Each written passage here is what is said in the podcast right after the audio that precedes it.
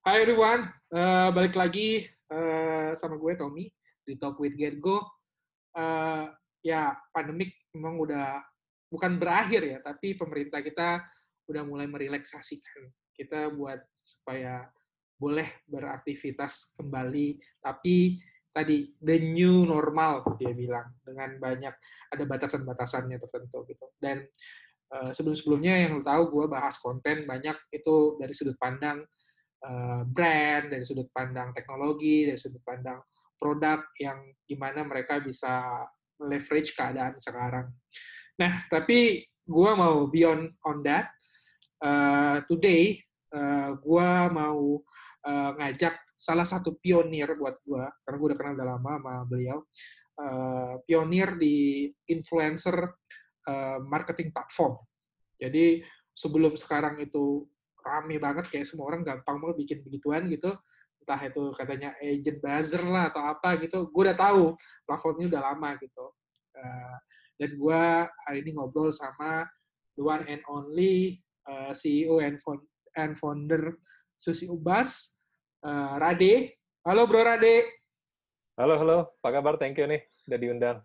Eh, sama-sama. Thanks for having me lah. Gila, di tengah kesibukan mungkin yang padat ini gitu. Siap, thank you, thank you. Sibuk apa bro sekarang bro?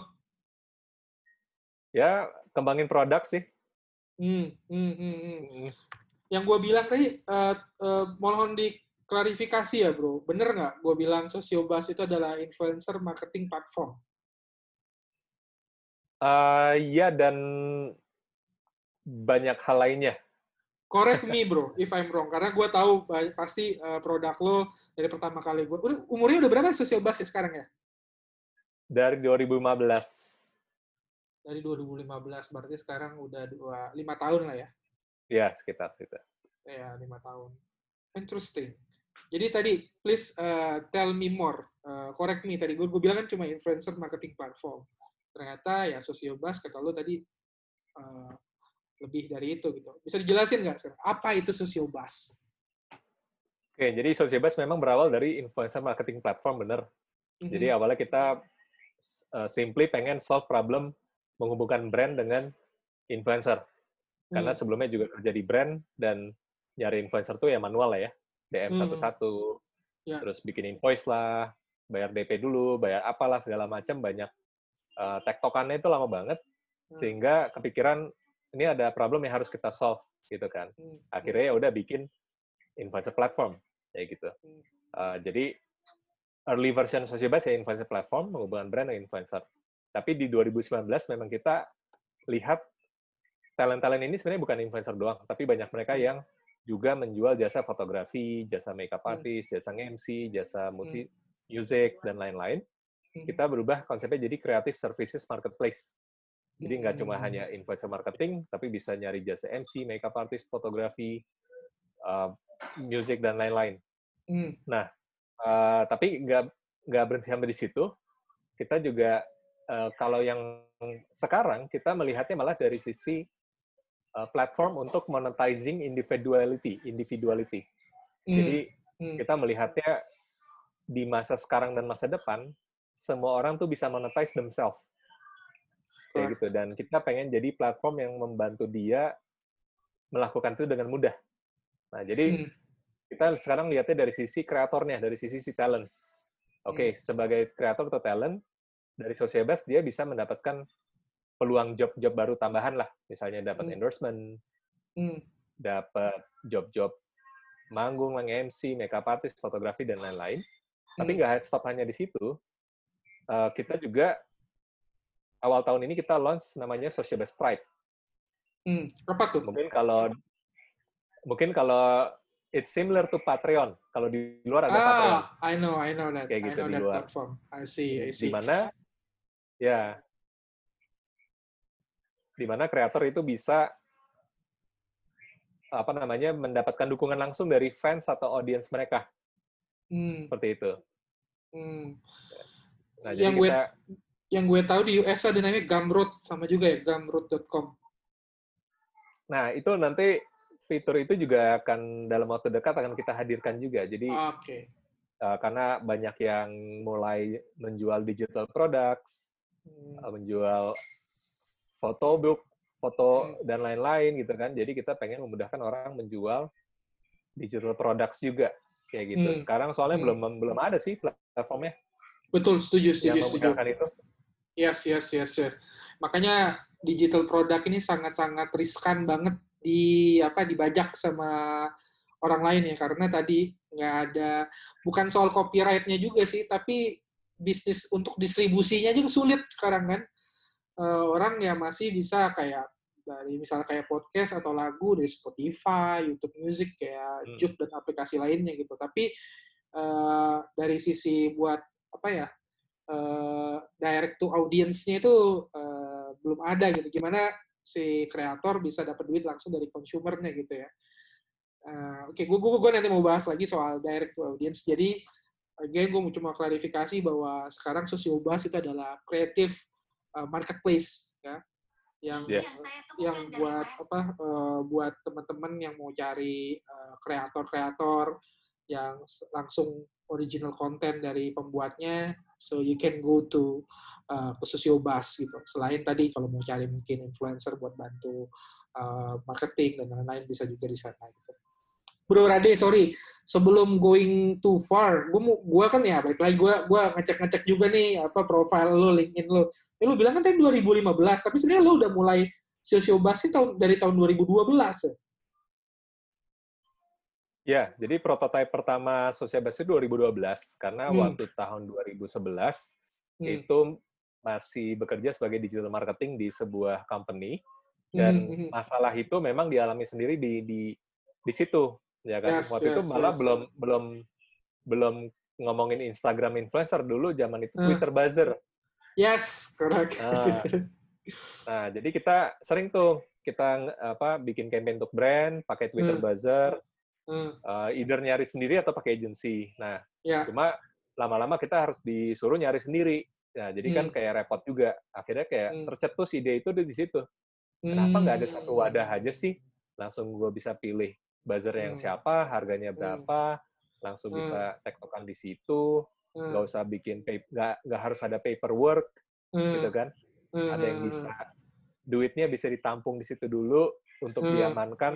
Hmm. Kalau udah selesai baru dikasih ke buzzernya, hmm. kayak gitu. I Jadi see, itu prototype, tapi belum kita seriusin. Yeah. Kita nggak nggak ada kepikiran nih bisa jadi bisnis apa segala macam, cuma kayak hmm menyelesaikan masalah sendiri sih gitu. Hmm. Habis itu uh. tetap kerja, tetap kerja uh, sampai 2014 akhir baru memutuskan oke okay, kayaknya harus difokusin nih bisa dikembangin lebih lanjut. Hmm. 2015 Maret tuh baru hmm. kita officially start lah as a company hmm. gitu baru kita hmm. kembangin hmm. lanjut. Uh, uh. Nah si Bro Rade ini uh, gue cuma apa memperjelas lagi beliau ini sebelum bikin apa Sosiobas ini dia udah satu dekade lah uh, apa experience-nya di marketing sama uh, digital marketing gitu kan. Jadi ada dia bikin Sosiobas ini buat nyelesain his personal problem sebenarnya sebelumnya. uh, sebelum Sosiobas ini jadi. This is it's cool. This is kayak hustler, real, hustler tuh kayak gini nih. Nah, gue gue sebelum gue going to far tentang soal apa uh, tren uh, influencer, kreatif, kreator marketplace. Gue mau lebih dalam nih soal soal personal lo, bro. Gue mau tanya, nah berarti kan uh, lo bilang tadi lo masih kerja uh, di perusahaan lain untuk apa uh, sebagai digital marketing manager dan di di satu sisi juga lo bikin platform ini jadi real company gitu. Nah, lo sebagai part-time founder atau gue sebut part-time trainer gitu. So, gimana lo waktu itu mendesain bahwa, wah oh, ini nih company ini bisa uh, apa making money nih gitu. Dan akhirnya lo decide untuk full-time ke Sosiobas, apa? Hal apa yang menyebabkan lo mau full-time juga di sini? Karena ya, as we know ya, kita kan apa, being entrepreneurs risikonya lumayan gede gitu kan. Iya, jadi memang karena dari awal sebenarnya nggak nggak ada kepikiran ini bisa jadi company or business ya kan, cuma hmm. iseng-iseng lah bikin bikin platform gitu kan. Jadi hmm. sama co-founder saya si Edi, jadi dia lebih dari sisi teknologinya kayak gitu hmm. kan. Jadi uh, saya lebih yang sisanya lah kayak gitu. Hmm. Nah jadi di akhir 2014 itu sebenarnya juga nggak nggak memang nggak nggak pernah pikiran kayak ini, ini jadi bisnis tapi hmm. mungkin lebih uh, dari personally nggak terlalu lihat growth atau personal growth itu di digital marketing doang hmm. kayak gitu jadi sejak 2010 11 dan sampai 2014 tuh uh, fokusnya digital marketing hmm. gitu kan cuma uh, kayak apa ya nggak nggak terlalu banyak significant growth dari sisi knowledge dari sisi apa segala macam yang bisa dipelajari jadi hmm. akhirnya uh, kayaknya ini bisa di satu sisi pengen growth lebih banyak banyak challenges lagi lah yang bisa kita hmm. pelajari di hmm. satu sisi ini kayaknya bisa jadi peluang yang besar juga nih maksudnya hmm. the industry is growing ya kan dan mungkin ini bisa dipakai oleh banyak lebih banyak orang lagi hmm. jadi mungkin dua hal itu gitu jadi dari sisi uh, apa namanya agak stuck kalau bisa di bidang digital marketing terus kayaknya harus coba something else yang bisa banyak pelajaran yang bisa digali gitu sekaligus bisa impact ke banyak orang juga. Hmm. Positionnya itu pada saat lo decide untuk full time handle Sociobus tuh apakah Sociobus itu dapat funding atau bisnisnya udah making money? Uh, dari sisi belum dapat funding, maksudnya belum ada hmm. plan untuk funding segala macam, karena nggak hmm. ngerti juga. Gitu. Ya, ya. Karena emang nggak ngerti apa pun gitu tentang startup, hmm. tentang bisnis. Jadi hmm. uh, ada small traction, tapi belum worth it gitu. Maksudnya hmm. belum hmm. belum belum yang menggiurkan sampai oke okay nih uh, bisa bisa hidup dari situ enggak gitu hmm. tapi ya lebih ke tadi sih nggak nggak ada mungkin not rational gitu ya nggak nggak ngeliatin traction duitnya gede segala macam baru pindah enggak hmm. tapi lebih kayak kayaknya ada ada growth opportunity selain growth opportunity ada impact opportunity ngelihatnya hmm. dua hal itu sih sinyal ya, tapi, ya bisa disebut ya ya ada ada ada sinyal itu tapi uh, ya apa namanya thank God-nya um, nggak memang nggak ada plan fundraising tapi at least di, di awal 2015 itu hmm. ada bantuan lah, ada bantuan funding. Hmm, kayak gitu. Hmm, hmm. I see, I see.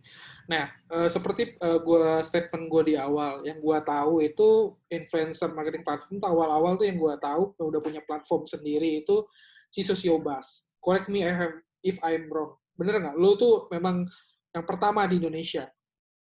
Di Indonesia iya. Yes, yes, yes. Karena yes, we started yes, yes. sebenarnya 2012 April hmm. kalau nggak salah. Hmm. Nah setelah itu tapi di akhir tahun itu atau di 2013-nya dan seterusnya itu ada lagi platform lain baru muncul. I see. Kayak gitu. I see, I see, I see. Nah, sekarang kan kita tahu lihat udah banyak banget platform. Ada yang apa? Yang tadi yang udah jadi crowdfunding lah, ada yang fokus masih influencer marketing platform lah, ada yang apa uh, punya platform tapi cuma landing page doang tuh. Ini cara kerjanya masih manual kadang-kadang. Ada gitu banyak gitu. Eh, terus unique selling pointnya Sociobus sama other player apa sih bro? Ini kalau ngomongin influencer marketingnya ya berarti ya? Yes, yes, yes. Nah sebenarnya kan kalau memang kalau kita ngomongin influencer marketing dari zaman dulu sampai sekarang sebenarnya nggak terlalu banyak perubahan. Mostly itu manual. Hmm. Mostly manual karena human to human ya. Iya, iya. Kita nego dulu, ngedil dulu, payment hmm. terms payment termsnya gimana. Hmm. Nah, hmm. itunya memang tidak bisa di-automate kayak Facebook Ads atau Google Ads. Setuju. Yang kita bisa set and forget gitu kan. Yes, yes, nah, jadi, yes. Makanya sebenarnya most platform itu ujung-ujungnya tetap harus ada managed services di belakangnya. Jadi ada orang yang hmm. ujungnya tetap melakukan semuanya manual hmm. hmm. ngontak ngontak influencernya lah terus hmm. minta approval ke brandnya lah jadi the agency side itu masih ada pasti ujung-ujungnya hmm. Hmm. Hmm. even hmm. kita ngomongin platform di luar ya hmm. mau hmm. ada platform Famebit yang udah di akuisisi YouTube tutup akhirnya, aja ya akhirnya malah baru-baru ini self service platformnya ditutup Yes, yes, yes, yes. Tapi managed yes. service-nya yang dia kembangin nggak tahu kenapa hmm. gitu karena mungkin lebih menguntungkan di situ ya nah jadi ya bisa dibilang uh, unique selling point-nya apa sih sebenarnya salah satunya adalah uh, yang kita lihat ya kenyamanan mencari atau mendapatkan kemudahan mendapatkan dalam jumlah yang banyak gitu ya hmm. dan ada keamanan dari sisi transaksinya. Hmm. Nah, yang yang pertama tadi, hmm. yang misalnya nih uh, apa namanya, ada yang butuh micro influencer misalnya 20 gitu kan. Hmm. Nah mereka sesimpel posting brief di platform nanti dalam berapa saat tuh langsung banyak yang apply. Hmm. Ya kan banyak yang apply dengan harga yang kompetitif. Mereka tinggal pilih yang mana yang cocok. Ada data-datanya di situ. Jumlah followers, engagement rate dan lain-lain contoh konten. Nah, setelah mereka udah menentukan pilihan, mereka deposit ke Sociabas duitnya si hmm. brand ini. Hmm. Gitu kan. Saya budgetnya 5 juta, oke deposit 5 hmm. juta. Hmm. Hmm. Baru pekerjaannya dimulai oleh si influencer. Mereka tektokan hmm. by WhatsApp ini draft kontennya, kapan postingnya itu tektokan, hmm. kirim produknya hmm. ke mana. Hmm. Hmm. Kalau udah selesai, si brandnya tinggal klik, ini udah selesai. Nah, duitnya langsung masuk ke influencer. Hmm. Jadi konsep marketplace kayak Tokopedia gitu, itu salah satu itu. Jadi pembeli dan penjual itu terproteksi. I see, betul-betul. Kalau yang tadi lo bilang tadi konsepnya lebih ke bidding ya, jadi si brandnya lempar dulu briefnya dan budgetnya, Terus si kreator-kreator ini kayak mereka bid gitu ya? Iya, ngebidding. Oke, okay. ya, Jadi banyak opsi dan semuanya itu interested. Ya. I see, I see, I see. Nah, terus sekarang kan lo bilang tadi lo udah banyak nih sekarang bukan cuma influencer doang, ada yang apa uh, podcaster, ada yang apa uh, order apa penulis buku lah atau yang pelukis lah dan lain-lain kreator gitu. Nah, yang kita tahu kan sebelum influencer marketing platform atau kreator kreatif marketplace-nya kita tahu ada namanya freelancer.com, ada Fiverr, uh, dan platform sejenisnya lah. Di Indonesia itu ada seribu lancer, seribulancer.com gitu. Terus apa ya bedanya uh, tadi ya yang lu bilang kreatif kreator marketplace sama platform-platform yang uh, uh, marketplace yang lain gitu, service marketplace yang lain gitu. Ya memang kita belum terlalu walaupun kita sudah buka gitu ya, cuma memang nggak nggak belum semua services yang ada di mereka tuh ada di kita. Misalnya di uh, Seribu Lancer kan banyak desain grafis, web development, translator. Nanti di kita tuh nggak ada yang hmm. yang kayak gitu. Jadi kita bos nggak nggak apa namanya beda sih, agak beda. Hmm. Ada yang mungkin mirip, ada yang beda kayak gitu. Mungkin kalau yang kayak Seribu Lancer, Fiverr dan lain-lain Hmm. Uh, mostly yang ke arah sana ya, desain, hmm. uh, web development, hmm. translator, hmm. data input, data apa sih, data entry, hmm. kayak gitu-gitu. Mungkin kita memang agak beda dan tapi memang karena orang udah taunya itu untuk cari influencer, jadi memang mostly datang itu untuk cari influencer gitu. Jadi mungkin belum terlalu banyak yang nyari hal-hal yang lain. Kayak ya, gitu. ya, ya, benar, benar, benar, benar. Nah kalau uh, se sedikit lah, eh ngomongin soal influencer dan ada kaitan-kaitannya sama COVID, uh, sedikit aja nih. Gue mau tahu pencarian influencer pada saat COVID itu gimana? Uh, menaik atau justru menurun juga demand-nya?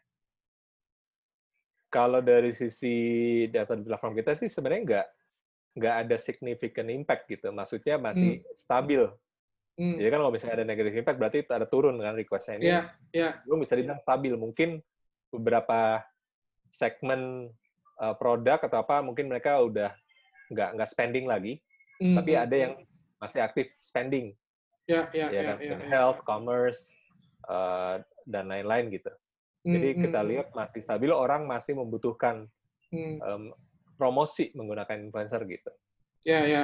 Soalnya yang gue denger kan uh, banyak beberapa brand, terutama yang Fortune 500, they cut the budget uh, for the advertising Pasti. kan.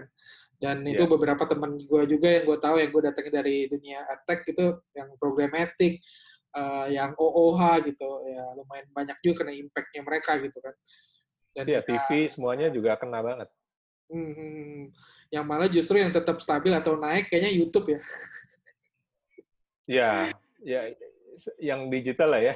ya digital lah ya, kita digital gila ya, sih. Ya. Hmm, very interesting, very interesting. Nah, tadi uh, yang lo bilang tadi lo ada launch produk namanya Sociobus Tribe. Nah, tadi sekilas doang lo bilang jelasin bahwa kreator bisa crowdfunding gitu dari apa dari followersnya atau dari audiensnya. bisa dijelasin nggak kenapa lo bikin itu Sociobus Tribe dan tujuannya apa, bisnis modelnya kayak gimana? Sebenarnya kita bikin itu ya terinspirasi dari Patreon. Dan idenya okay. udah lama banget sebenarnya. Dari yeah. Patreon mulai booming, kita juga udah hmm. kayak kepikiran, oh wah ini emang cocok nih, karena isi isi member-member kita ya kreator semua gitu kan. Mm. Cuma, mm. kalau kita ngomongin beberapa tahun yang lalu, mm. adoption terhadap e-wallet itu belum banyak. Mm. Kayak GoPay, OVO, dan lain-lain. Yeah. Ya kan? Dan kalau kreator Indonesia pakai Patreon, agak susah karena terima hanya kredit card. Hmm, betul. Kayak gitu kan. Betul. Jadi orang mau dukung, mau support, kok harus pakai kredit card ribet banget ya. Hmm. Nah, jadi kita lihat saatnya tepat karena adoption terhadap e-wallet itu udah lumayan hmm. masif ya di Indonesia ya. Hmm. Hmm. Pengguna hmm. GoPay kalau nggak salah udah lebih dari aplikasi Gojek udah di-download lebih dari 100 juta kali kalau nggak salah ya. Jadi maksudnya hmm. saatnya tepat nih, gitu kan. Hmm. Hmm. Orang bisa micro transaction dukung 10 ribu, 50 ribu hmm. dengan mudah. Hmm. Hmm. Dan kreator-kreator ini pun juga kita kita konsepnya kan monetizing individuality. Mm. Jadi gimana mereka bisa banyak sources of income, nggak hanya dari endorsement, tapi mm. mereka punya audience, kenapa nggak mereka tawarkan sesuatu yang spesial ke mereka, kasih mm. reward, mm. kasih apa program membership dan lain-lain, mm. supaya mereka bisa dapat dari situ juga, gitu kan. Apalagi mm. di tengah-tengah pandemi gitu, misalnya dia yang MC selama yeah. pandemi, gimana gitu kan. Tapi mungkin dia bisa tetap eksis di sosmed, mungkin dapat mm. job endorsement, mungkin dan hal-hal lain gitu kan yang bisa hmm. dilakukan. Mm. Jadi itu sih kayak kita mm. uh, North Star kita tuh ke arah sana monetizing individuality. Mm. Ini, ini konsep konsep mungkin uh, apa namanya? Oh, teman-teman yang dengerin atau apa nanti bisa googling mm. itu hmm. namanya passion economy. Passion economy ya, passion economy. Ya, mm. passion economy itu ada ada bukunya dan juga uh, ada satu analis di venture capital namanya Andreessen Horowitz. Oh iya iya, I know that. Uh... Namanya Legend, itu dia emang lagi fokus bahas itu, passion economy. Hmm. Hmm. Jadi kayak platform-platform seperti Patreon, hmm. Substack. Substack tuh di mana orang bisa ya, nulis Substack. dan berbayar ya kan? Iya, gue pakai Substack juga tuh. Cameo ya, pakai Substack Cameo, gitu. Uh -huh. uh, even kayak platform-platform seperti Shopify, orang yang punya passion bisa jualan di situ ya kan mm -hmm. jadi uh, the rise of this kind of platform yang bisa membantu orang secara individu monetize themselves tanpa ribet kayak gitu oh menarik ya dulu itu kan kalau kita mau monetize something we need uh, product gitu tangible yeah. product gitu sekarang who's the product we are is the product gitu Betul. gitu kan kalau dulu kan dia bilang uh, kalau lu main produk free, lu adalah produknya. Yaitu kita adalah produknya Facebook dan buat monetizing advertisingnya Facebook gitu kan. Nah, karena kita ke sini lo memfasilitasi orang, ah gue nggak butuh Facebook, gue bisa memonetize diri gue sendiri langsung ke audiens gue. Itu kan maksudnya. Tetap mereka mungkin butuh Facebook dan sosial media oh, iya, iya. untuk sebagai menjangkau audiens ya. Reach-nya, oh, ya oke, okay. reach reach ya, audiens ya betul betul. Kita mempermudah transaction-nya itu. Hmm. Iya kan? Ya. Menarik, menarik. Ah, oh iya iya iya iya. Passion economy ya namanya. Ntar gue baca di Passion economy. Passion Fokusnya itu monetizing individuality karena itu itu kayak the next step after gig economy. Yes, Mungkin yes. kita sudah sedang ada di gig economy ya. Yes, yes, Uber, yes, yes, yes, yes, Uber, yes, Gojek, yes, ya kan. Yes. Sesuatu yang komoditi. Hmm, hmm, hmm, hmm. hmm. Eh dulu kan sebelumnya kan shiftingnya dulu kalau kita mau jualan online itu harus ada produk. Pelan-pelan service ya, ke service. Service kayak service. misalnya entah benerin benerin pipa apalah, AC lah, apa anterin makanan lah, kayak sekarang kan Gojek, Grab gitu kan. Yeah. Ya tadi kan gig ekonomi. Sekarang lebih nipis lagi dan ini sebenarnya gue udah lihat nih. Gue nggak tahu nih gara-gara waktu satu dua satu dua tahun yang lalu lah ya ini lumayan gila di Indonesia Bigo kayak Bigo gitu kan Oke. Okay. Tapi ya memang banyaknya jatuhnya ke yang hal-hal negatif ya kayak yeah, porn dan lain-lain. Yeah. Tapi di situ gue udah mulai ngelihat sense what the hell gitu. Ada orang yang mau bayar manusia gitu secara nggak langsung. Jadi cuma kayak joget-joget apa semua orang wah bisa bisa bisa bisa orang tuh yang gue pikir ya kalau kita bikin konten di YouTube kan itu Google AdSense kan monetizing dari iklan dari luar. Tapi ini tuh ada orang yang mau bayar si kreatornya langsung gitu tanpa Betul. tanpa harus ada advertising atau apa gitu. Nah di sini mulai mulai interesting sebenarnya. Ah, I see, I see. Even Ya. even uh, ke depan itu maksudnya ini masih jauh banget ya, tapi di Hmm. US sudah ada sinyalnya.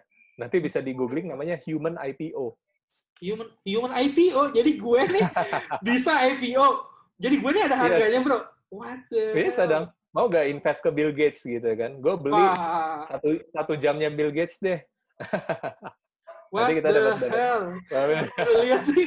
Ya ampun, iya bener coy. Ada aplikasinya coy. Jadi memang arahnya ke monetizing individuality gitu. I kan. see. Jadi lo sebagai umat manusia saatnya lo jadi orang yang lebih valuable gitu ya. Jadi sebenarnya bisa jadi lo jadi bilioner nanti tanpa punya karyawan, tanpa punya kantor. Ya itu tadi jual diri lo sendiri gitu ya. Secara tanda kutip jualnya maksudnya Benar. kalau betapa valuable-nya kita sebagai manusia kalau lo memang bisa giving impact gitu kan. Ah, Benar, gila, benar. gila, Jadi gila, makin gila. aneh, ke depan itu makin aneh. Apalagi kalau kalau memang teknologi blockchain sudah diadopsi adoptionnya ke ke dunia ya. Ya, ya, ya, ya. Hmm. Very interesting, bro. Asli gue kaget ngobrol sama lu soal Luman IPO ini.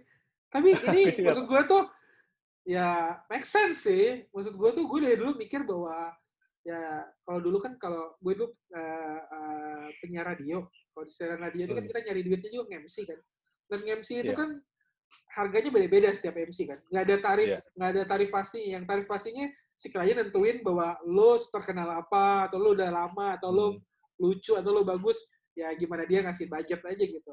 Dan Betul. sebenarnya di situ kita bisa kelihatan bahwa apalagi masa depan nanti anak-anak nih di bawah-bawah kita nih Gen Z nih orang-orangnya males komitmen kan sama kerja masuk kantor 9 to 5 lah atau apa gitu Iya. dan udah kelihatan sih anak-anak zaman sekarang nih kalau ditanya misalnya gue punya ponakan nih ngobrol gitu mau jadi apa? Jadi youtubers bro.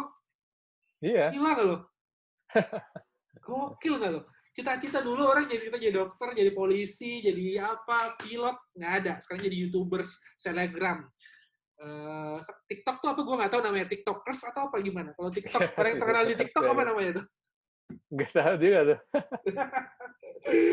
I see, I see. Nah, anyway, gue kita gue gue ngikutin zaman Twitter, Twitter buzzer, ada eh, sel, apa orang yang terkenal di apa eh, Facebook eh, influence gitu, influencer atau artis gitu, atau eh, di Instagram sebut selebgram gitu kan, You- YouTube youtuber. Sekarang ini kan lagi musim TikTok nih. Nah, gue, tuh gue punya akun TikTok, gue nggak pernah buka-buka gitu. Se, se, se, segimana sih gue gue nggak tahu cara memonetize uh, uh, TikTok itu kalau gue sebagai brand mau cari orang yang ngetop di TikTok uh, eh ininya apa ya uh, apa unit of measurement-nya bahwa orang ini berhasil gitu. Kalau kalau kalau Instagram kan kita bisa tahu kayak dari followersnya like-nya atau impression-nya gitu kalau di TikTok kok gimana Eh, apa namanya? Kayaknya ada tuh platform kayak Nox Influencer itu dia kayak social blade. Mhm. Kalau social blade kan bisa ngeliat YouTube ya, YouTube channel. Nah Hmm. dia di situ Ya. bisa ngelihat kayak growth dari TikTok account ini, berapa views dan lain-lain. Hmm. Jadi mungkin Hmm. ya bisa dibilang sama ya jumlah views, engagement Hmm. Hmm. masih masih masih mirip-mirip sih sebenarnya. I see, I see, I see. Nah, sebenarnya lo udah nge-wrap up jawaban gue tadi sih. Gue mau nanya soal gimana nih influencer trend. Nah, tapi kan itu in global ya, tentang passion ekonomi, tadi yang lo jelasin ada human IPO. Nah, gue mau tahu influence influencer trend di Indonesia sebagai lo sebagai pionirnya eh, pertama di Indonesia building influencer platform. Gimana sih tren nih influencer influencer itu nanti ke depan nanti kayak sekarang kan masih hampir sama cara kerjanya ya sama yang lima tahun yang lalu enam tahun yang lalu masih sama gitu Uh, ini ke depannya next five years next ten years sih kayak gimana sih trennya di Indonesia Iya, ya, memang di Indonesia ya, di Indonesia Hmm. mungkin ya mungkin kalau yang paling deket tuh mungkin mulai explore ke arah TikTok, ya kan. Hmm. Tapi Hmm. mungkin ag- apa friksinya agak, agak banyak ya. Kenapa? Karena Hmm. ini dari sisi brand, dari sisi brand Hmm. Uh, pasti mereka juga harus menjadi pengguna dulu. mereka harus ngerti hmm. dulu kan TikTok supaya mereka mau brand mereka dipromosikan di situ. Hmm. Karena challenge-nya gitu kan, kayak zaman hmm. awal lah, kenapa susah brand keluarin untuk influence marketing karena orang-orang brand ya khususnya yang mungkin baby hmm. boomers, hmm. mereka nggak ngerti dikirain sosial media itu mainan, hmm. ya kan. Hmm. Tapi akhirnya begitu mereka sudah di dalamnya, oh ini nggak mainan, ini serius, baru mereka hmm. mau spending. Hmm. Mungkin sama beberapa brand ngeliat TikTok ini receh banget, gitu kan. Mungkin hmm. ini mainan-mainan-mainan hmm. anak gua nih misalnya.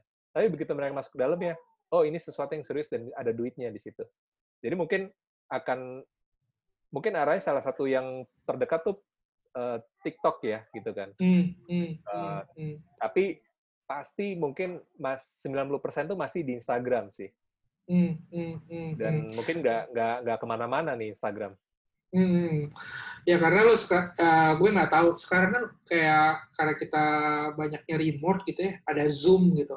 Gue nggak tahu Zoom tuh bakal platform yang bisa dimonetizing nggak sih buat kreator? Gue nggak tahu untuk private webinar atau oh, iya, ya, paid iya, webinar, Q&A, itu bisa dimonetize sih. Ya, ya, ya, ya, ya. Wait, wait. Ya, terus, terus boleh, boleh, terus, terus. Halo, bro? Ya, ya. Yes, yes, yes. Oke, okay. jadi webinar ya benar juga ya. Dia orang bisa uh, uh, berbayar juga ya. Tapi setahu gue itu uh, Zoom-nya belum punya platform buat payment kayak kayak Eventbrite kan dia akhirnya bisa bayar di Eventbrite kan buat event. Jadi kalau Zoom tuh cuma buat penyedia platform uh, yeah, buat buat uh, video conference-nya aja kan. Betul, transaksinya tetap di luar platform sih. I see, I see, I see. Hmm. Oke, oke, oke. Yang gue tahu karena dulu tuh kan kalau orang kita bisa, kalau Indonesia kita bisa. Dan dulu tuh sebelum kita bisa tuh ada wujudkan. Kalau di di US ada namanya Go GoFund.me kalau nggak salah GoFund.me yeah, apa. Yeah. Semua itu kan uh, orang selalu yang namanya uh, oh yang sorry, gua bridgingnya kurang halus nih. Dari influencer tadi lo bilang ada ke crowdfunding kreator kan. Dulu kan yeah. crowdfunding itu selalu identik dengan sosial ya. Uh, yeah. Ya tadi bilang ya, ada orang sakit, ada orang yang lagi susah, ada apa movement apa gitu. Mereka selalu support via crowdfunding. Nah, shifting crowdfunding ini since uh, gue lihat tuh empat empat tahun yang lalu udah mulai ke uh, lebih ke investasi. Crowdfunding tuh lebih ke investasi. Investasi hmm. makanya ada peer to peer lah, ada yang agriculture, ada yang sifatnya apa aqua, apa ikan-ikanan atau buah-buahan gitu. Nah, ke sini gue lihat uh, mulai lagi nih trennya di US sudah ada yang lu bilang tadi crowdfunding kreator gitu ya. Personal yeah. gitu, kreator gitu. Hmm. Menurut lo sendiri itu ya yang udah pasti beda ininya hal yang sangat jelas perbedaannya antara uh, kenapa crowdfunding tuh makin ke sini tuh kegunaannya dipakai buat personal. Yang dulu tujuannya buat sosial, bisnis, personal kan.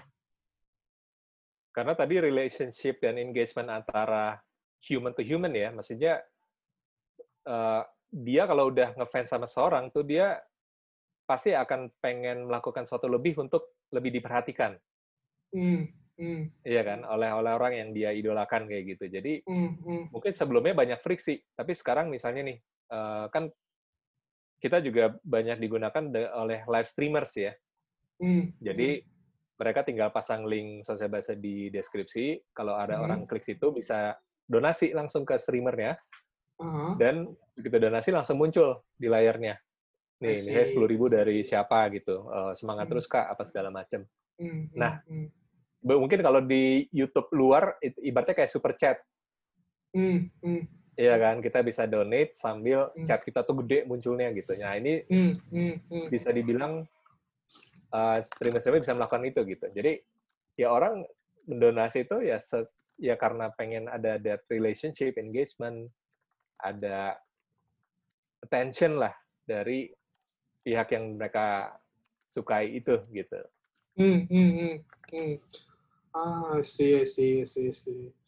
Ah, interesting ya the last but not least bro karena yang gue ngerasa yang belum tersentuh banget monetization-nya dari semua channel ya menurut gue TikTok tuh udah ada lah sekarang gitu nah gue gue heran nih podcast bro Uh, dari hmm. sisi nggak usah dari personalnya gitu, dari sisi teknologi ya yang gue tahu programatik atau apa itu ya masih jarang lah gitu. Uh, yeah. Menurut lo gimana sih di masa depan uh, podcast monetization itu gimana gitu? Karena kalau dulu kan di radio ya monetization itu ada iklan kan, ada bumper yeah. atau apa adlibs atau apa gitu. Yeah. Nah, monetization-nya si podcast tuh yang tepat tuh harusnya kayak gimana sih? Kalau yang tepat sih sebenarnya kalau personally sukanya tuh yang either adlibs atau programnya itu lebih konsep kayak sambil interview atau hmm, memang tailor made ke topik yang relate dengan produk gitu kan dibanding hmm, kayak bumper spot-spot iklan itu kan terlalu weak hmm. ya dan orang ya, kan males. Betul. Cuma memang growth ad revenue ke podcast ini kan juga kita lihat belum terlalu picking up ya. Hmm, betul. Ya kan? Ya tadi mungkin dari sisi brand tuh belum tentu semua mereka tuh pendengar podcast. Betul. Jadi mereka kayak dan dan dan memang challenge-nya adalah karena ini audio dan tidak bisa dilihat. Betul. Jadi kalau mereka pengen nyari influencer di Instagram, mereka lihatnya scroll feed-nya kan. Aman kan nih? Iya, iya. Brand, oh, sih dengerin satu-satu. Iya, ini dengar saya dia ada ngomong-ngomong kata-kata jorok gak? Kan capek juga. Kan? Iya, benar-benar benar. Jadi mendingan yang brand safe. Or, brand tuh pasti pengennya yang yang aman. Uh, aman uh, dan mudah uh. dimengerti gitu kan. Yeah, Instagram yeah, udahlah yeah. aman nih image-nya nggak nggak nggak nakal-nakal ya udah promosi yeah. di situ gitu kan. Yeah, Podcast yeah. nih yang susah nih. Takut-takut gitu. Ya kan? Iya, iya, iya. Ya, Safety-nya agak dipertanyakan. Hmm. Jadi agak sulit memang buat para podcaster kalau lo mau monetization uh, podcast lo sekarang. Makanya mungkin beberapa podcaster tetap naruh kontennya di YouTube ya karena yeah, itu visual. Uh, ya visual. Lebih lebih lebih mudah buat buat buat brand atau platform brand. dan info info ke atasan ke bos-bosnya kan gampang. Yes jelas Kalau gitu kan di IG nih di screen capture nih udah diposting. Ini di YouTube betul. udah ada nih. Kalau di podcast betul, nih Pak dengerin dulu. PR juga gitu kan? Yeah. I see I see. Hmm menarik ya. Karena gue pikir podcaster mungkin ya karena masih audio kayak cara monetization-nya nggak jauh-jauh beda lah sama radio, konsepnya radio gitu. Yeah. Tapi yang jadi problem memang seperti itu gitu. Nggak scalable cara apa monetization-nya nggak kayak kalau kita punya akun uh, Instagram very easy kan, stories lah atau apa, tag apa uh, sama juga kayak TikTok gitu. But uh, buat lu yang denger ini mungkin lu bikin podcast, jangan jangan jangan apa tiba-tiba jangan unmotivated, tenang lo boleh buka akun di sosiobas.com ya bro? Ya. Yeah. Ya, buat lo jadi kreator, yang nggak mesti harus podcaster, siapa pun gitu, ya lo bisa bikin akun kayak biasa aja kan bro, kayak sosiobas.com, kayak akun yeah. lo jadi influencer aja yeah. kan? Benar-benar. Uh, dan ya, kapan lagi kan lo kreator, tapi lo bisa jadi punya gaji bulanan ya. Kalau lo misalnya regularly aktif, engage sama audiens lo ya, ya lu bisa punya pendapatan bulanan yang lumayan. Dan gue lihat lu udah distribut satu miliar lebih. Wadidaw. Ya lumayan lah, lumayan masih masih harus bisa lebih dari itu sih. Oh ya pastilah. Itu itu yeah. lo reach itu dalam waktu berapa lama? Itu dari Februari lah, four months. Februari. Dan orang tuh bisa support uh, si kreatornya via GoPay, OVO dan lain-lain gitu. Ya, betul. Ya. Dan kalau dia mau bayar bulanan subscription gitu bisa? Belum? Nah, di di Indonesia ini belum bisa karena kan okay. kalau di luar kan kredit card bisa auto debit ya. kan. Hmm, hmm. Nah, kalau di sini belum ada tuh. Hmm, bisa. Kecuali kecuali itu cicilan ya. kalau cicilan ya. tiap bulan. iya. Tapi ah, untuk podcast podcaster harusnya good news lah kan kita uh -huh. udah denger uh, Joe Rogan kan di ada oh, deal yes. 100 juta dolar kan sama yes, Spotify. Yes, yes, yes. Gue gue gue menarik tuh. Jadi bisa jadi bisnis modelnya adalah lu dibayar sama Spotify. Kenapa kalau lu digaji? Iya, lu digaji, lu digaji sama entah itu Spotify, entah itu Google Podcast, entah apa apalah akunnya. Kalau lu memang uh, sepowerful itu gitu, mungkin bisnis model yang paling tepat adalah ya kayak radio lo digaji lo digaji atau yang lo radio kan yang penyiarnya beda-beda loh ada yang puluhan juta sampai ratusan juta tergantung seberapa Betul. banyak uh, pendengar yang mau dengar suara lo gitu kan. Yeah. Jadi challenge-nya yang ngumpulin audience sih, ya kan? Ngumpulin audience. Ngumpulin. Karena kayak misalnya streamer, itu kan juga digaji tuh untuk streaming di Nimo TV, di Nono, Nono Live, hmm, hmm, digaji, hmm. ya kan? Oke. Asal punya audience. Hmm, hmm, hmm, hmm, hmm. Bro, eh, lo ada closing statement nggak? Kira-kira buat orang yang di luar sana yang mau jadi kreator gitu. What should we do? Saya menemukan ini dari web. Ya, biar paling tadi biar dapat audience, biar bisa monetize, biar dapat semuanya gitu. yang pertama mungkin diferensiasi, karena kan sekarang udah rame banget, ya Hmm. kan? Cari cari profitable niche lah, cari Oke. specific niche. Oke. Kedua, bangun audience yang sesuai niche itu. Mhm. Baru ketiga jangan lupa monetize, monetize apa pun deh coba dimonetize karena kan jangan sampai begitu satu keran ketutup habis gitu kan. Musisi nggak Hmm. bisa manggung offline, bingung gitu. Gue mau Hmm. harus monetize dari mana lagi? Nah, Hmm. coba eh, apa, apa pikirin cara monetize-nya apa lagi nih? Apakah bikin digital Hmm. product, apakah langsung didukung fans, apakah bikin private webinar, private apa Hmm. yang berbayar. Banyak hal sebenarnya kan. Hmm. Jadi nggak usah Hmm. gengsi kayak gitu. Hmm, hmm. So di era sekarang itu O2O atau offline to online, online to offline tuh bukan lagi milik e-commerce, tapi milik kita juga para kreator kalau lo mau bikin konten dan bisa sustain. Jadi memang di zaman sekarang memang offline to online tuh udah nggak udah nggak beda lagi ya bro ya. Semuanya udah Iya. seamless gitu. Betul, betul, betul. Oke bro Reddy, thank you for the time bro. Uh, this Thank is so a fruitful fruitful discussion. Gue juga baru tahu. Gue ini tuh su swear kaget banget ada human IPO. Gue akan pelajari lebih lanjut. Mungkin gue akan bikin platform yang serupa di itu. Wah, mantap, Kalau- mantap. Ditunggu, Kalau memang ini bagus, kalau memang ini bagus. Oke oke oke. Thank you again ya bro for the time. Thank you, thank you, thank you, thank you. Uh, kejutan-kejutan produk-produk baru dari Sosiobas sebagai pionir influencer platform di Indonesia. Gue pengen lo tetap keep it up uh, dan siapa tahu kita uh, in the near future bisa collaborate. Thank you, Bro Siap. Thank you.